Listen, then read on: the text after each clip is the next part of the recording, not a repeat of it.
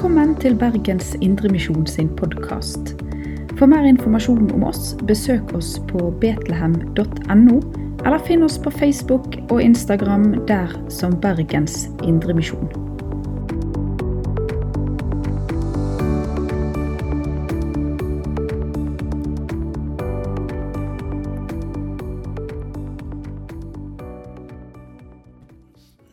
Kjære himmelske Far. Vi vil eh, takke deg for eh, ditt ord. Takk for eh, alt ditt ord, og takk for de forskjellige tjenere som vi møter i ditt ord. Takk for Paulus og det han fikk gjort. Takk for det han fikk formidla til oss. Og så vet du, himmelske Far, at når vi nå er samla her i dette ditt hus og om ditt ord, så er det for at du skal få tale til oss. Og vi ber om åpenbaringsånd, slik at ditt ord blir levende for våre hjerter, til gang for oss og til ære for ditt navn. Amen. Dette temaet om Paulus og gjennomslag for evangeliet det nok et, kan nok være et utfordrende og vanskelig emne, men det er ikke minst et omfattende emne. Slik at eh, problemet er egentlig eh, tida og eh, alt som er å si om det. Så får vi se hvor mye jeg får med. Men det er jo slik at for, for dette temaet så er det jo apostelgjerningene som er hovedkilde fra kapittel 9, der Paulus kommer til omvendelse, men særlig da fra kapittel 13 og ut kapittelet, som i stor grad omhandler Paulus. I tillegg så er det naturligvis Paulus sine brev eh, som òg er kilde for å forstå Paulus og gjennomslaget for evangeliet. Og i og for seg øvrig bibelsk materiale òg, fordi det er jo ikke noe det som var, var Paulus og hans gjennomslag for evangeliet, er jo ikke spesielt for Paulus, egentlig. Det er jo egentlig samme tenkning og samme prinsipp som eh, ligger til grunn for eh, alle, både i Bibel og i seinere tid. Men han snakker altså om eh, evangeliets gjennomslag ved Paulus. Både slik som vi lærer det knytta til Paulus, eh, og med tanke på hva det kan bety for oss i vår tid. Jeg har en del punkter, åtte i tallet, eh, ikke alle like lange, heldigvis. Men det første er forholdsvis kort. Det er litt om disse ytre forhold som var på Paulus' i tid, og som eh, kunne virke til eh, det som var resultatet av hans tjeneste.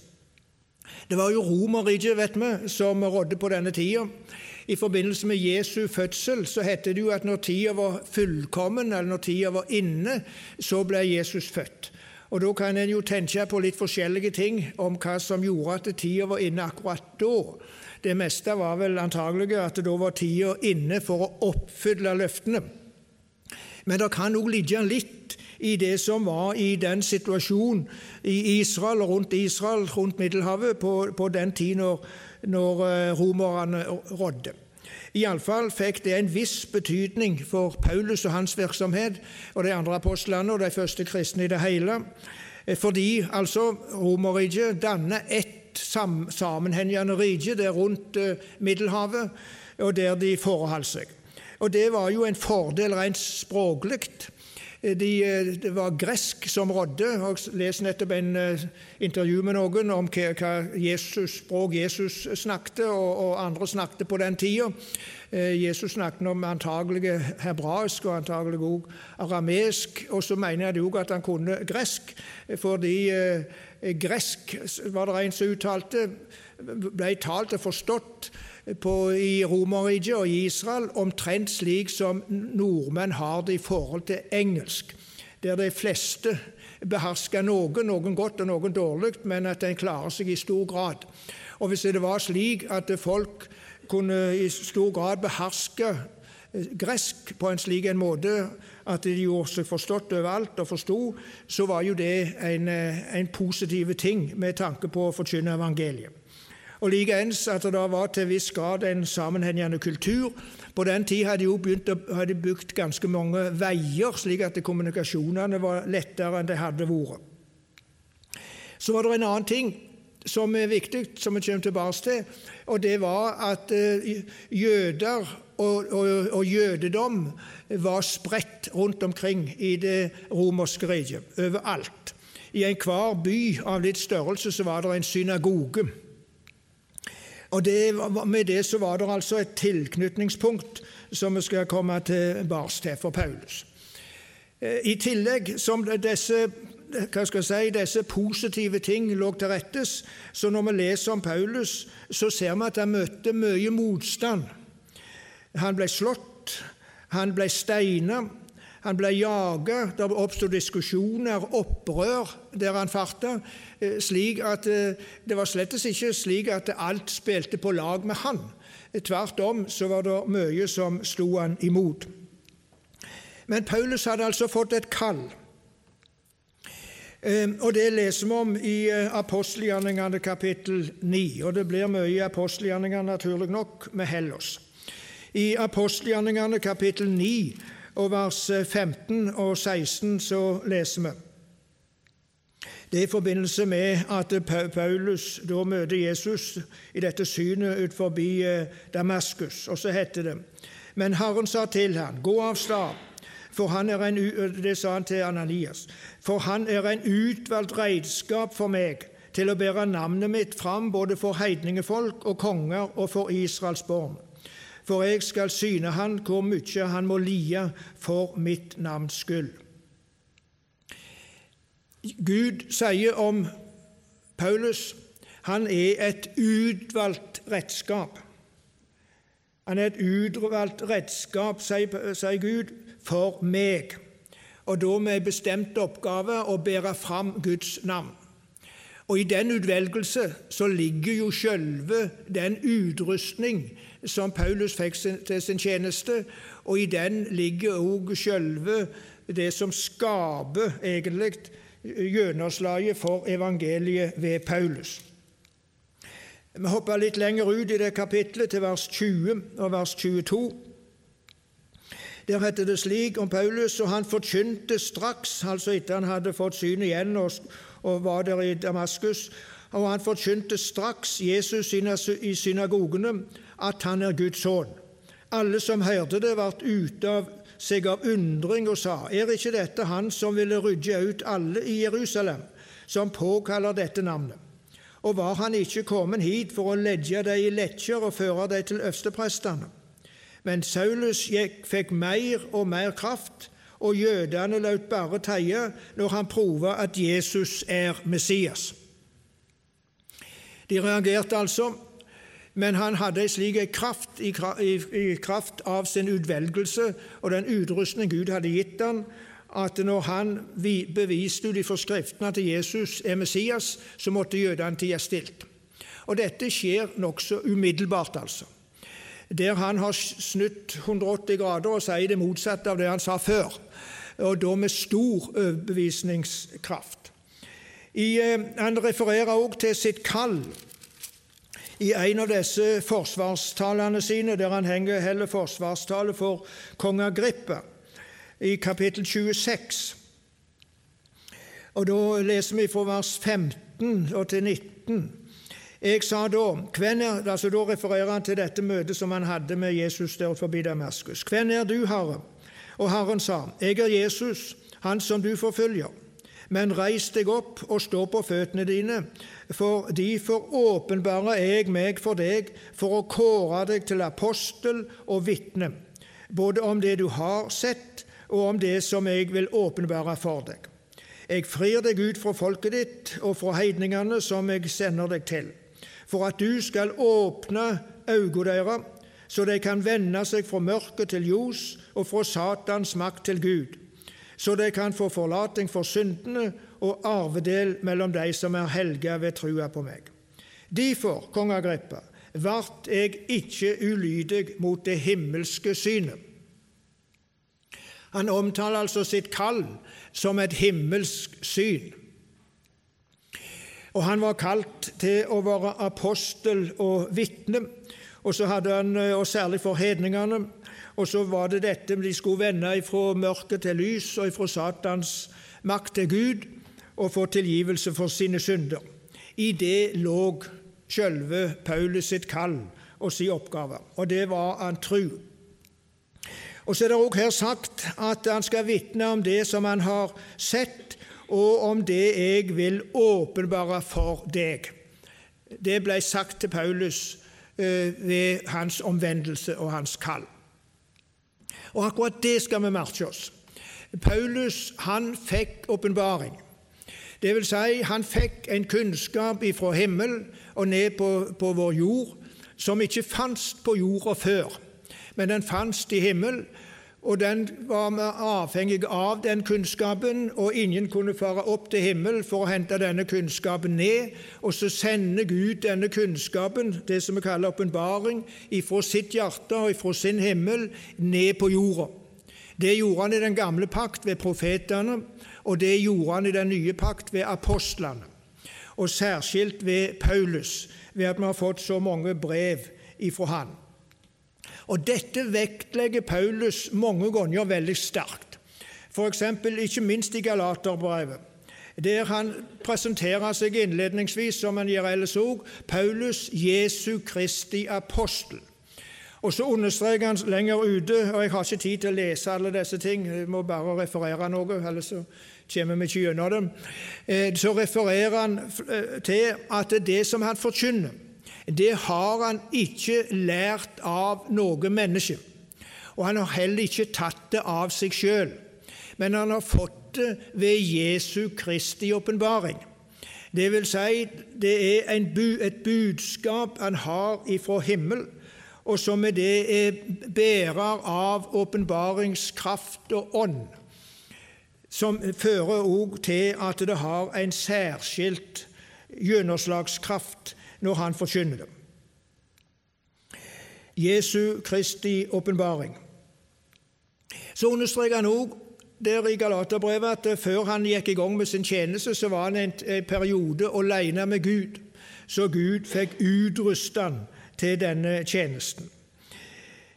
Den utrustning og det gjennomslag som Paulus har med tanke på den tjeneste som han utførte, det ligger i sjølve hans kall og den nådegaveutrustning som Gud med det ga. Slik er det for oss alle. Vår utrustning ligger i vårt kall. Kombinert med det budskap som Gud har gitt oss ved åpenbaring i Den hellige Skrift. Slik var det for Paulus, og slik er det for oss. Så var det slik at når Paulus da begynte å reise, og det er punkt tre, så kom han til jødene, møtte de først, og synagogen. Det var altså mange synagoger rundt omkring, det var truende jøder overalt. Og I starten så var det jo slik at de kristne ble regna som ei sekt innen jødedommen. Eh, og fikk en viss beskyttelse i Romerriket av det, inntil jødene ikke ville ha med det å gjøre, fordi de, de lærte om Jesus som sann Gud og ble jagt ut slik sett av synagogen. Men i utgangspunktet så starta Paulus der. Og vi kan lese det gang etter gang ut gjennom eh, apostelgjerningene. Bare legg merke til når du leser når, første, når, han var på sin første misjonsreis. Vi kan ta med ett av disse tingene. Det er omtalt i kapittel 13. Hans første misjonsreis. Eh, og da står det i vers 14 eh, at noen drog videre fra Pergamon og kom til Antiokia i Pisidia på sabbaten gikk de inn i synagoge og satte seg der. Og Etter hvert fikk de anledning til å forkynne og lære. Og Det er konsekvent, altså. Når Paulus kommer til en ny plass, så går han til synagogen. Um, oppsøkte synagogen og begynte å tale der. Og Det var veldig naturlig, fordi han oppfattet det jo slik at det som han nå forkynte, det var det som sto i Det gamle testamentet. Det var det som jødene hadde fått formidla, og som de nå skulle få greie på egentlig hva betydde det som sto i Det gamle testamentet. Altså løfte og oppfyllelse. Og Vi leser om dette altså stadig vekk Det aller første begynte i vers 14 i kapittel 13, men det står også i vers 5. Og da de var kommet til Salomis, forkynte de Guds ord i de jødiske synagogene. Der hadde Johannes òg med som hjelpesmann. Dette skal vi altså merke oss uten at jeg skal referere eh, til, til, dette alle plasser der det er sagt, men det er mange plasser. Når vi leser om det i kapittel 13, derifra vers 14 utgjennom, så er det slik at når de, når de var der, så står det i vers 15 etter at det var lese fra lov av profetene, sendte synagogeforstanderen båt til deg og sa:" Brør, har det et ord til påminning for folket, så tal. Så de ble jo oppfordret, altså Paulus og hans medarbeidere, til å tale i synagogen. Og de gjorde det. Og Det som er det typiske for Paulus, og som gjør at en god del jøder kommer til tro, men som òg gjør at eh, de fleste jøder avviser, det er at han går til Det gamle testamentet. Han går gjennom Israels historie, særlig fra utvandringen av Egypt og utgjennom, men òg tilbake til Abraham. Altså Han går gjennom Israels historie, og så viser han at inn i denne historien så kom Jesus.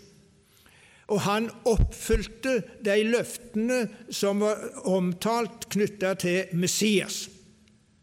Det er det som går igjen. Altså at det som gjelder Jesus, det er knytta til Israels historie og til oppfylling av løftene, med den hensikt at folk skal se at de blir rettferdiggjort ved tru, og ikke ved lovgjerninger. Det var det en del jøder som lot seg overbevise om, men de kom til, til tru og ble eh, det vi ville si kristne, som er jo en slik moderne måte å si det på. De ble jo eh, messiastruende jøder, som er også en måte som en har gått i stor grad tilbake å bruke som begrep. Men i det hele dette å vise ut ifra Skriftene at Jesus var Messias, det hadde en viss gjennomslag, iallfall, og det var dette som totalt sett skapte gjennomslaget. Hvis vi hopper til kapittel 26, eh, der Paulus holder denne forsvarstalen for kong Agrippe, så står det i vers 22 og 23 eh, men jeg har fått hjelp fra Gud og står til denne dag og vitner både for små og store, og jeg sier ikke noe annet enn det profetene og Moses har sagt skulle hende at Messias skulle lide, og at han som den første av de som sto opp fra de døde, skulle forkynne ljos for folket og for hedningene. Når, Paul, nei, når, Festus hørte dette, så, så, reagerte han, for han uh, mente Paulus måtte være fra vedet når han snakket om dette med oppstandelsen, uh, mens uh, Paulus svarer at han taler sindige ord, så det var ikke noe å fare opp for. Og så går han i og for seg videre, og det heter også i vers 27, når han henvender seg til, til kong Agrippa Kong Agrippa, tror du profetene? Jeg veit at du tror. Han leser ikke Agrippa får svare engang. Han svarer på vegne av Agrippa. Jeg veit du tror, eh, sier han. Og, og, eh, og så eh, må jo, må jo, Agrippa si at det vanta lite på det overtale meg til å være en kristen. Men det var jo for lite, sa Paulus, at det vanta lite. Han måtte komme til omvendelse. Men i, i dette ligger det hvordan han altså forkynner at Jesus er Messias. Hopper vi også til kapittel 28, så får vi, får vi dette litt, eh, mest som eh, litt oppsummert i, eh, i vers 23 og 24, altså det siste kapittelet. Etter at de hadde avtalt en dag, altså han hadde vært forkynt derifra før, og så hadde de avtalt de på nytt Etter at de avtalte en dag med han, kom, han, kom enda flere til han i herberget hans. Fra tidlig om morgenen til seint på kveld la han ut for deg og vitne om Guds rike, og freiste å overtyde deg om Jesus ut fra Moselovet og profetene. Somme ble overtydde av det han sa, men andre var vantruende. Men midt i altså det som ga dette gjennomslag for evangeliet for Paulus, så var det nettopp dette at han viste ut ifra Skriftene at Jesus er Messias. Det var det fundamentale. Det gjorde han altså for, eh, for, eh, for jødene, men han gjorde det òg med tanke på med tanke på hedningene. Det var egentlig samme strategi han brukte overfor hedningene. og Det skal vi se litt på nå. Det som skjer utenfor synagogen, altså overfor hedningene, som er mitt punkt fire. Paulus fulgte i all hovedsak den samme forkynnelse og strategi overfor hedningene som han gjorde overfor jødene. Han vitna ut ifra Skriftene at Jesus er Messias. Han eh, ville vise at det han forkynner om Jesus, det er troverdig, fordi det er sagt på forhånd i Det gamle testamentet. Altså, Jødene de kjente jo dette. Det gjorde jo ikke hedningene på samme vis.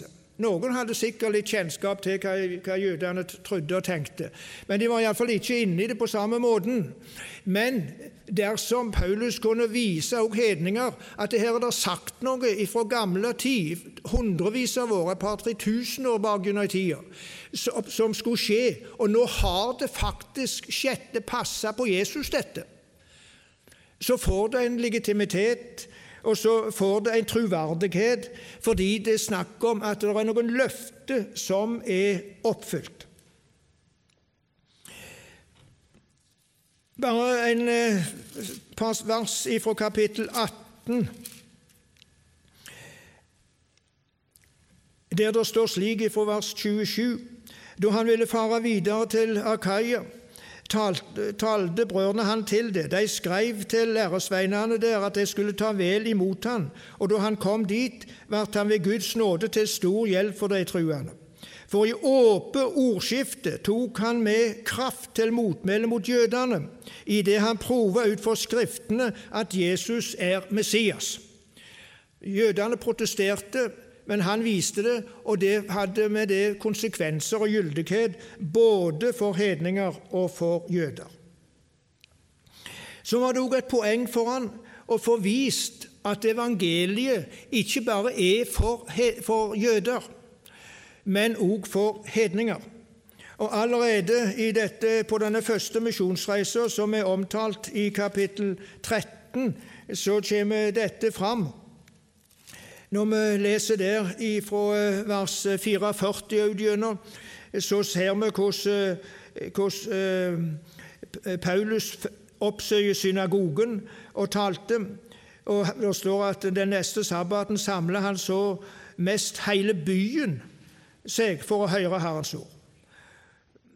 Og så var det noen her, som også av jødene, som reagerte, og noen som kom til tru.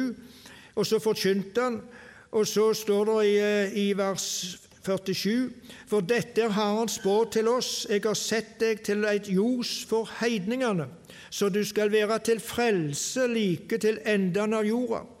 Da heidningene hørte det, vart de glade og prisa Herrens ord.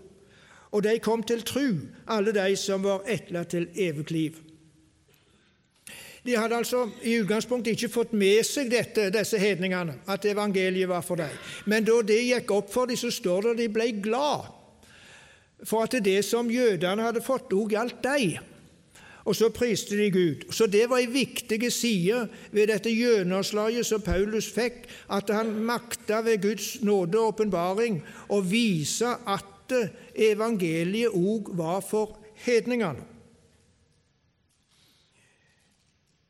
Og så står det flere plasser at han lærte og han forkynte. Altså han, han, Denne kombinasjonen av å forkynne, liksom aktualisere det, og lære, gå litt grundigere til verks, det gjorde han hele veien når han møtte både jøder og hedninger. Og I tillegg til dette å vise at Jesus er Messias ut ifra Skriftene, så la han vind på å vise at Israels Gud er den eneste og den sanne Gud, og at Jesus da altså er Messias og frelser, og han sann Gud. Det var jo slik i Romerriket som det var i Norge i vikingtida, at det var fullt av guder. Ehm, og, det, og de kunne tro på hvem de ville. Eh, men her var det et poeng altså, å vise at det er bare én Gud. Det er bare én Gud som bærer navnet med rette, som er den sanne Gud. Og han er den som vi møter i Det gamle testamentet, og som omtaler seg som Israels Gud, Abrahams Gud, Jakobs Gud. Eller Abrahams, Isak og Jakobs Gud. Og at det er han, og, og, og at Jesus er hans Messias. Han er Guds sønn, og han er menneskesønn. Og Dette kommer jo også til uttrykk i, eh, i kapittel 17, når Paulus er på Europagos og taler der der han legger vind på å få fram hvem, eh, Jesus, nei, hvem Gud er. Og Det heter fra vers 19 eh, der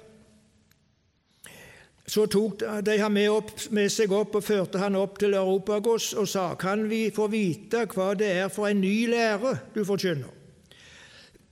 For det er underlige ting du lar oss høre. Derfor vil vi gjerne vite hvordan dette har seg. Og, og de utfordrer han altså eh, på, eh, på, på, dette som han skulle forkynne. Og Så hopper vi ned til vers 24. Gud, Han som skapte verden og alt som i henne er, Han som er herre over himmel og jord, han bor ikke i tempel som er bygd med hender.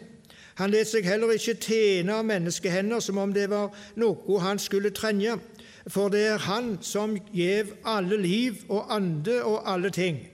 Han let alle folkeslag av ett blod bosette seg over hele jorda, og han setter faste grenser for dem, og faste, faste tider for dem, og faste grenser mellom bostaden deres.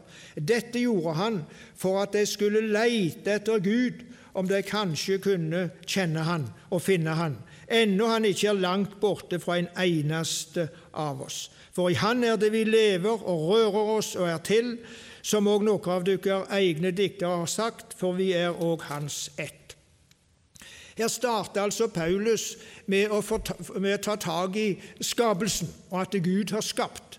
Og hva hensikten med måten han styrer på, er at de skal leide etter Gud i, i, med det, den tanke å finne han.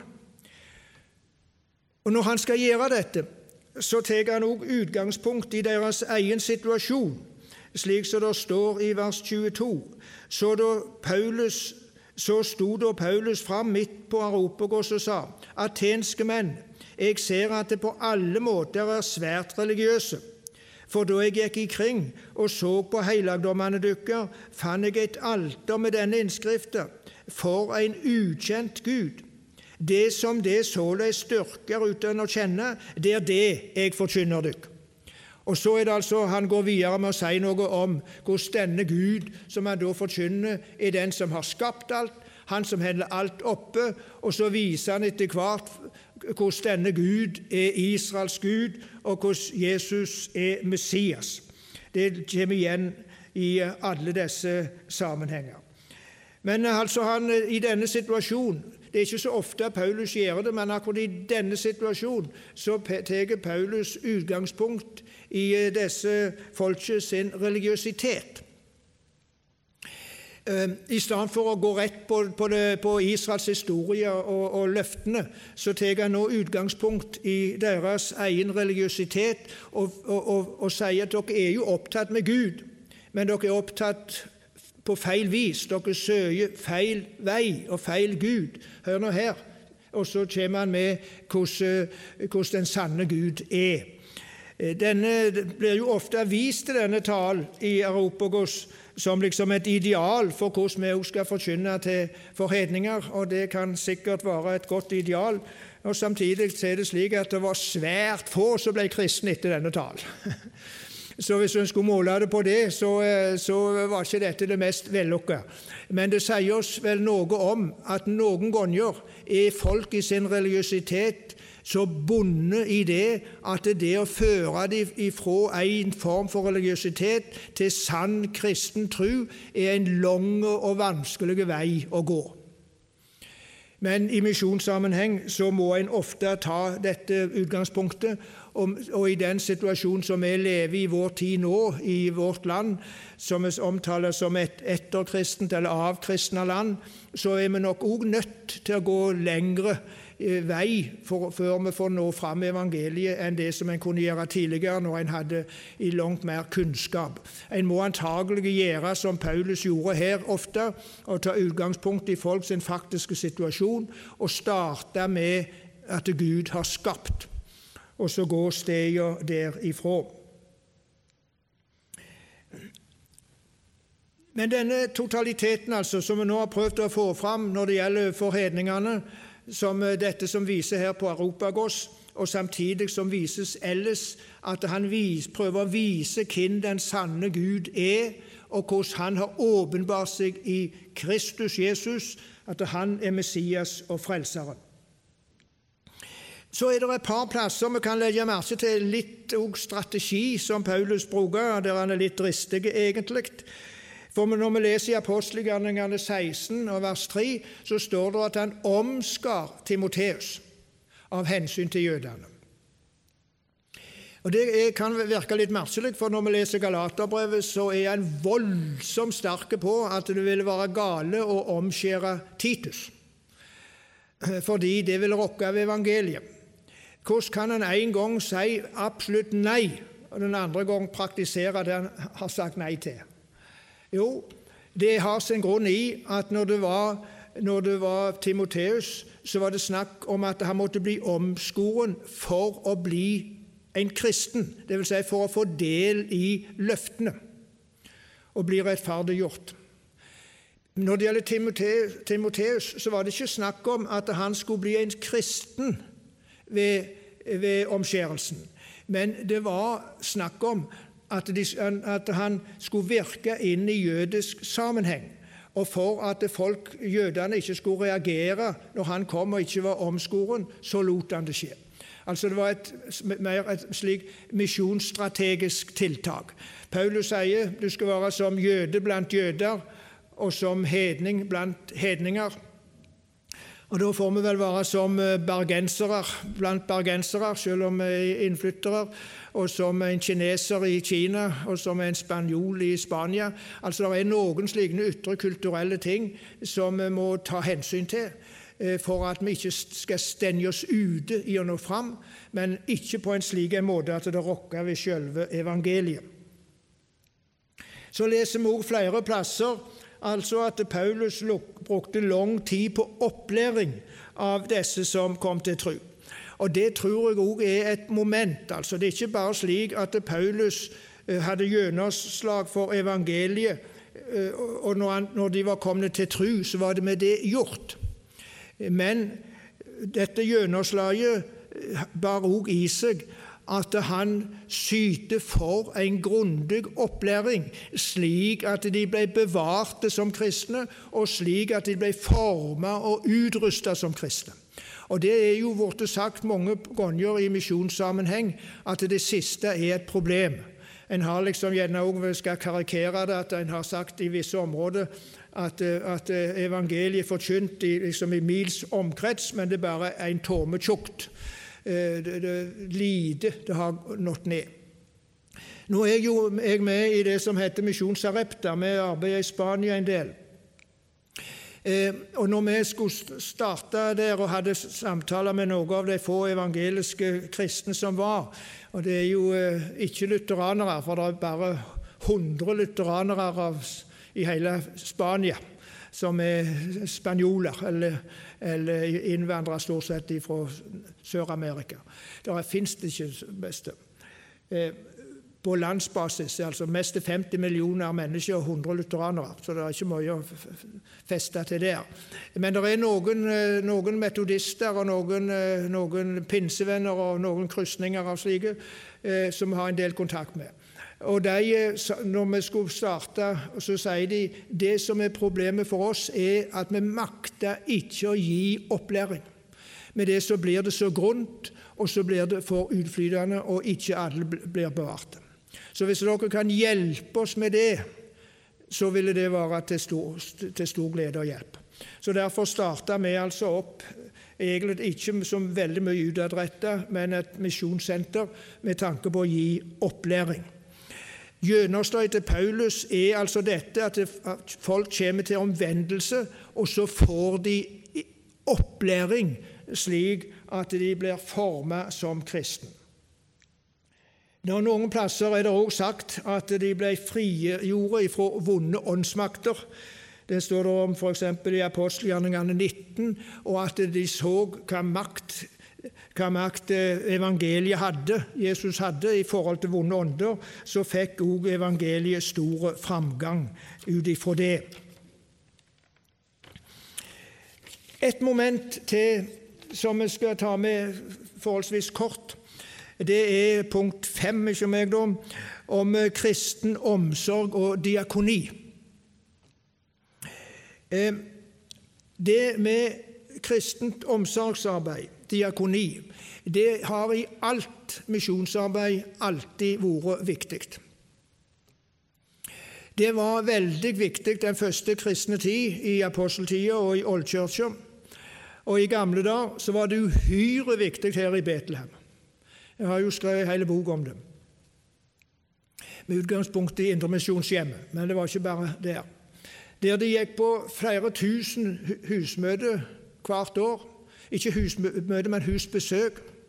Og, eh, og, snakket med folk, hjelpte de med praktiske ting, sjåkte syke, samtalte og holdt andakter rundt omkring i heimene. Et enormt diakonalt arbeid som er åpenbart var medvirkende til de store vekkelsene som var i Betlehem i gamle dager. Når jeg leser kirkehistorier, og særlig diakonihistorier, som jeg faktisk har gjort Det er en som heter Alf B. Oftestad, som har skrevet tre bøker som til sammen er så tjukke, eh, om eh, diakoniens historie. Uhyre interessant og spennende og godt stoff for de som måtte ha ork til å sette i gang med slikt. Eh, så er det veldig tydelig hvordan eh, dette med diakonien har vært viktig. Og eh, ikke minst i aposteltida og tida etter apostlene, i det vi kaller oldkirka. Men det er ikke i apostelgjerningene og i Paulus sine brev så er det ikke fortalt så veldig mye konkret om dette. For veldig mye av det kom egentlig òg etterpå. I tillegg så hadde jo det med tegnet under som ble gjort, og som stadfestet evangeliet, og som òg virka til at folk kom til tru. Men det er iallfall to eksempel som vi finner på dette veldig tydelige eksempel på det med diakonien i, i, den, i Paulus' tid. Det er jo i kapittel 6, som er jo før Paulus i tid, i apostelgjerningene, der, der vi har innvielsen av det vi kaller de første diakonene. Det er snakk om at apostlene og de åndelige lederne ble for mye opptatt med eller sto i fare for å bli for mye opptatt med de praktiske ting, og så skjedde ting i forsamlingen som ikke var, var rett overfor alle, og det ble misnøye. og Så utnevnte de noen diakoner som skulle ta seg av, eh, av utdeling av mat og andre ting som de skulle styre med. Og så, og så får du en, en, liksom en start der på, det, på diakonien så finner vi omtalt i andre Korinterbrev, i kapittel 8 og 9, en stor innsamling som de hadde til de hellige i Jerusalem, som, var, som ble nød på denne tida. To kapittel som er skildra om hvordan de samler inn penger til, til disse som trong det. Så, men vi har altså ikke så veldig mange konkrete eksempel på, i Paulus' i tid.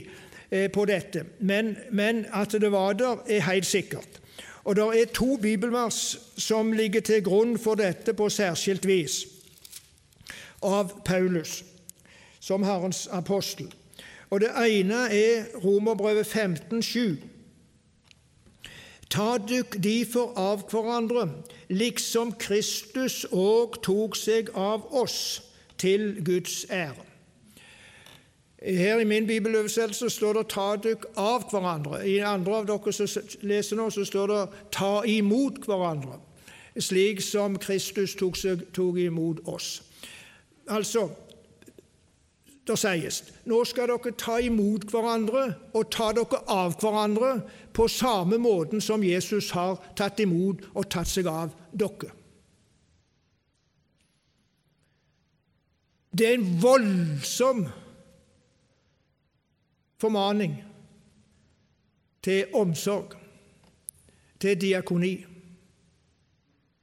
Nå skal ikke vi ta oss av hverandre som Jesus gjorde i det vi skal sone våre synder, eller sone andre sine synder, og tilgi slik.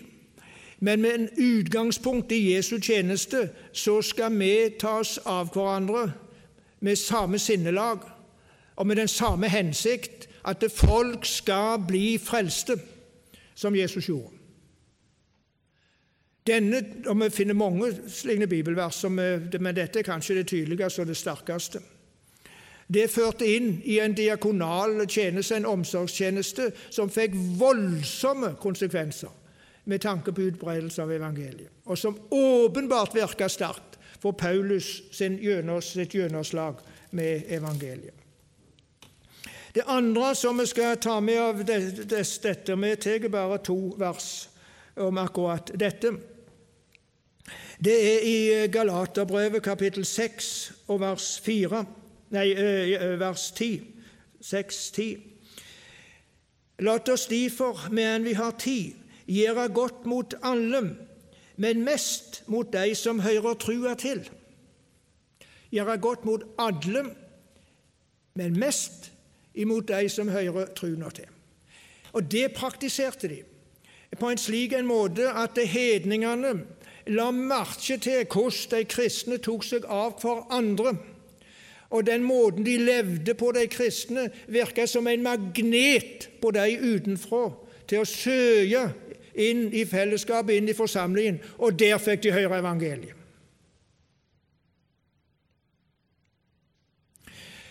Men så opplevde de, disse hedningene, at disse kristne som tok seg så godt av hverandre, de avgrensa ikke sin omsorg til seg sjøl.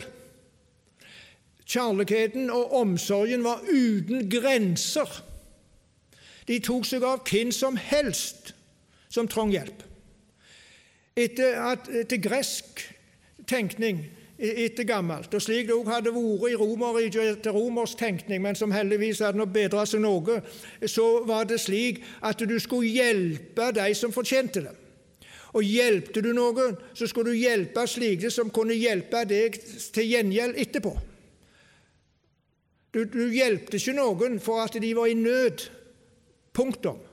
Men du hjelpte noen, for med det så kunne du ha fordel av det sjøl seinere.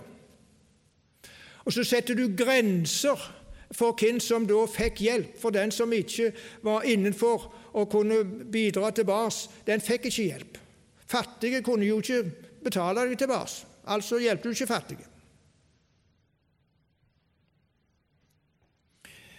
Og så kom de kristne, og så gjorde de det de hadde lært fra Det gamle testamentet, og alt som gjelder diakonien i Det nye testamentet, praktisk talt alt iallfall, finner du i Det gamle testamentet. De tok seg av enker og farløse. De tok seg av fattige og syke. De tok seg av fremmede, altså i stor grad reisende, som trong gjestfrihet. De tok seg av sine fiender. Fiendekjærlighet, det var noe helt nytt. Og det å ta seg av syke og svake og krøplinger, det ble i disse hedenske kulturene egentlig regna som svakhet mens ikke de kristne var en styrke. Og så gikk det opp for dem noe ved denne tjenesten som gjorde at de ble interessert i hvorfor gjør dere dette? Hvem er han der Messias som har tatt seg av dere slik at dere tar seg av oss? Og Så står det jo om de første kristne at de, står det i kapittel 2 at de, de hadde alle ting i lag. står det. Og noen begynte å selge tingene sine for å kunne gi. Det var ikke slik at de hadde alt i lag i den betydning at alle kristne i den første tid solgte alt det de hadde, og hadde en felleskasse. Det er misforstått det der med at det var en slags kommunisme på den tida. Men de hadde alt i lag. Det vil si, de tenkte om alt det de hadde, at det har jeg til disposisjon ikke bare for meg, men for de andre. Det er ikke mitt primært, om det er jeg som disponerer det og har det. Og det var rike folk, kjemperike folk blant de første kristne. Og de solgte ikke husene sine og alt og ga de vekk. Men de stilte sine store hus til disposisjon for menigheten. Så de hadde lokale. Og de varte opp de som trong med mat. Og når de samles, så var det ikke alle som hadde mat. Alle fikk komme. Og så hadde noen med seg mat, og noen hadde ikke. og Så lagde de en felles bordsetning, og så fikk alle spise likt av den samme maten. De hadde alt i hop. Og Da kunne de si det gamle ordet 'takk for skiftet'. For det gamle ordet 'takk for skiftet' betyr dette at du kommer sammen, og så skifter du mat. Det lærer jeg alle nede på Sentro Sarepta si disse ungdommene. Når de skal gå fra bordet, så må de si 'takk for skiftet'. Eh, fordi det ligger noe flott i dette 'takk for skiftet'. Du har ting i felles. Og En av disse hedningene han skrev om de første kristne at de første, disse kristne, sa han, skrev han, de har alt i lag, skrev han, bortsett fra konene sine. Med oss er det motsatt. sa han. De makter seg ut.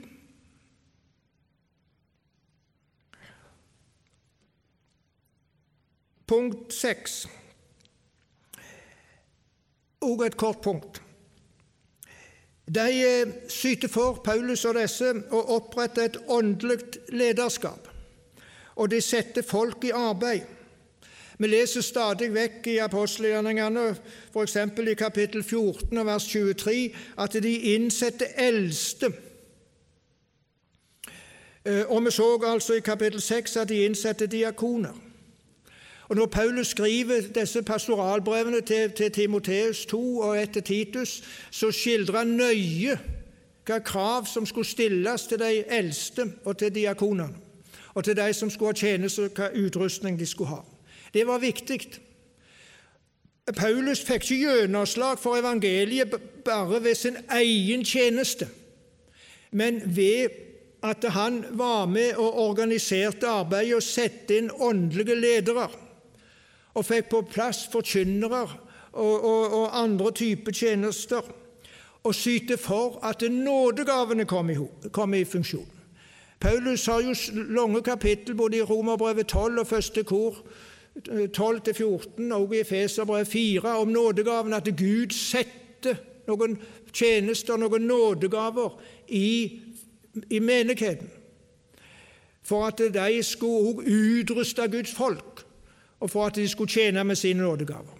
Det er en viktig del av Paulus sin, det som vi nå taler om, at Paulus sin, sin, sitt gjennomslag for evangeliet, at han syter for at den kristne forsamling kom i arbeid, og ikke gjorde alt sjøl. Og da denne kombinasjonen av et åndelig lederskap, folk som reiste og forkynte, og, og det jevne de jevne kristne, det vi kunne kalle lekfolket, at de var med med sine nådegaver. Så et punkt sju om bønn. Paulus vektlegger det, og vi skal lese to-tre bibelvers om, om eh, hvordan han skriver om det. Det er bønn om at Paulus skal få et budskap og at det skal bli åpning i folket og i hjertene for Guds ord. I kapittel 4 og fra vers 2 til 4 så leser vi Vær vedtalende i bønn, så det vaker i bønn med takk til Gud. Be for oss òg at Gud må åpne ei dør for Ordet, så vi kan forkynne Kristi løgner. For det er for den jeg nå er i Letjer be om at jeg kan åpenbare Han ved å tale som jeg bør. Denne forbønnstjenesten var veldig viktig for Paulus sitt gjennomslag med evangeliet. At det ble bedt om ei åpen dør i folket, og det ble bedt om at Paulus fikk åpenbaring, altså det han skulle forkynne. Går vi til Efeserbrevet, så finner vi også oppfordring til bønn. Der heter det slik ifra vers kapittel 6 og ifra vers 18.: Be til enhver tid i anden med all bønn og påkalling. Vær årvåkne i dette og vær uttalende i bønn for alle de hellige. Og be for meg òg, at det må verta gjeve meg ord når jeg åpner munnen min, så jeg med frimod kan kunngjøre løgndommen i evangeliet. For den er jeg sendebo i lettkjør, så jeg kan være frimodig i Han og tale slik jeg bør tale. Paulus var apostel og fikk åpenbaring fra himmelen. Og Samtidig så ber han folket be for han om at de må få de rette ord.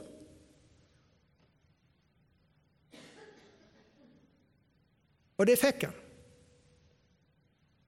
Og det ble til gjennomslag for evangeliet. Men nettopp siden evangeliet er åpenbaringsord og går over utenfor vår forstand i siste instans, så ber han òg i kapittel 1 og fra vers 17 jeg ber om at vår Herre Jesu Kristi Gud, herligdommens Far, må gi dykk visdoms- og åpenbaringsande til kunnskap om seg, og gi dere hjarto oppløste øyne, så dere kan skjøne hva for von Han har kalla dere til, hvor rik på herligdom Hans arv er mellom de hellige, og hvor overvettet stor Hans makt er for oss som tror, etter verknaden av Hans veldige kraft. Han ber altså Paulus òg, og han ber om at de må få visdom og åpenbaringsånd, slik at evangeliet går opp for deres hjerter, så de forstår hva det går ut på. Det er helt avgjørende for at evangeliet skal ha gjennomslag.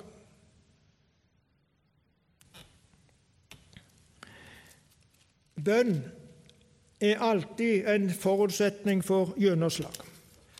Og det siste punktet selve innholdet i forkynnelsen, selve budskapet. Og Nå har jeg altså hatt sju punkt, og dette siste er det viktigste, selv om det ikke er det lengste.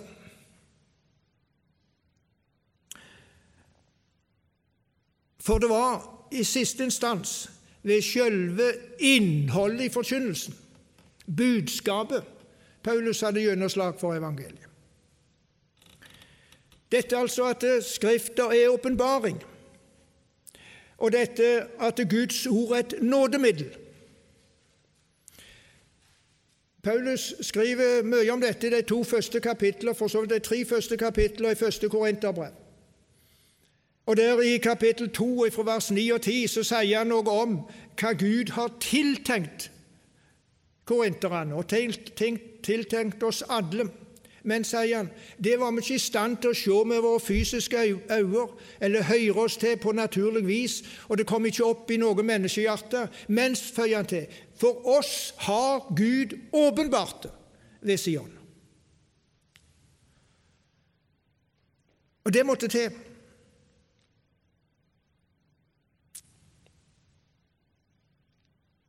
Åpenbaring. Og Da virker òg evangeliet som det vi kaller nådemiddel. Det virker med kraft og overbevisning. Det skaper tru. Som han sier i Romerbrevet 10, 17, så, så kommer da trua av forkynninga, som en hører, og forkynninga som en hører, kommer ved Kristi ord. Det var Paulus bevisst. Det praktiserte han og dermed fikk evangeliet gjennomslag. Vi går tilbake til kapittel 1 og 2 i første Korinterbrev. Og Her er vi helt inn med spissen i dette. I kapittel 2, vers 1-5. Og da jeg kom til dere, brød, kom jeg ikke med meisterskap i tale eller visdom da jeg forkynte dere Guds vitnemål. For jeg vil ikke vite noe hjå dykk uten Kristus Jesus og Han krossfest. Jeg var hjå dykk i veikskap, i stor åtte og stor uro, og min tale og min forkynning var ikke med visdoms overtalende ord, men med prov av ande og kraft, så trua dykker ikke skulle være grunna på menneskelig visdom, men på Guds kraft.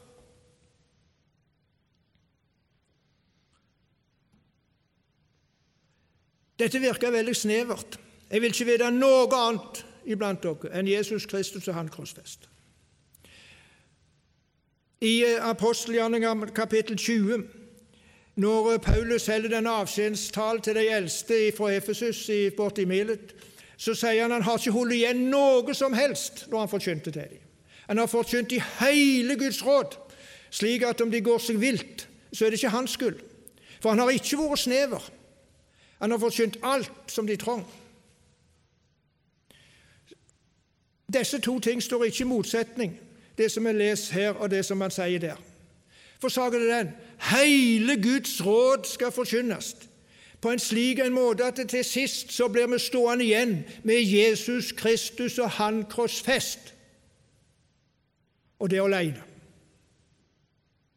Og slik at alt i vår kristne tru orienterer seg ut ifra ordet om korset. Det var der, i denne, i denne bredde i forkynnelsen og opplæring, med dette kraftfulle senter i det han lærte og forkynte, at Paulus hadde gjennomslag for evangeliet. Han sier at han var ikke utsendt for å døype, men for å forkynne evangeliet, og det ikke med visord så Kristi kross ikke skulle miste sin kraft. For ordet om krossen er vel dårskap for de som går fortapt, men for oss som har vært frelste, er det Guds kraft. Der hadde Paulus sitt gjennomslag, og der har vi vårt gjennomslag. Og vi skal ha noe gjennomslag.